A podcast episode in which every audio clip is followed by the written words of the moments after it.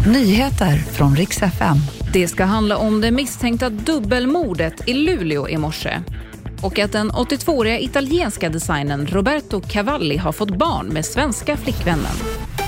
En kvinna och en man har hittats döda på en adress i Luleå. En 19-årig man som är släkt med de båda har gripits och misstänks nu för dubbelmord. Ja, det här ska ha hänt vid sjutiden i morse och grannarna har både hört skrik och sett den 19-åriga mannen komma ut ur huset där han greps av polis. Regeringen har nu tagit beslut om det andra elstödet som ska gå till hushållen i norra Sverige. Däremot så har de fortfarande inte bestämt riktigt när det här ska betalas ut. Energi och näringsminister Ebba Busch fortsätter att hålla sig till att svara någon gång under våren. Och besked om när företag kommer att få elstöd, det dröjer också.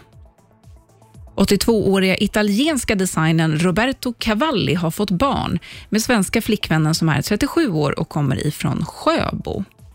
Det blev en liten son som har fått namnet Giorgio.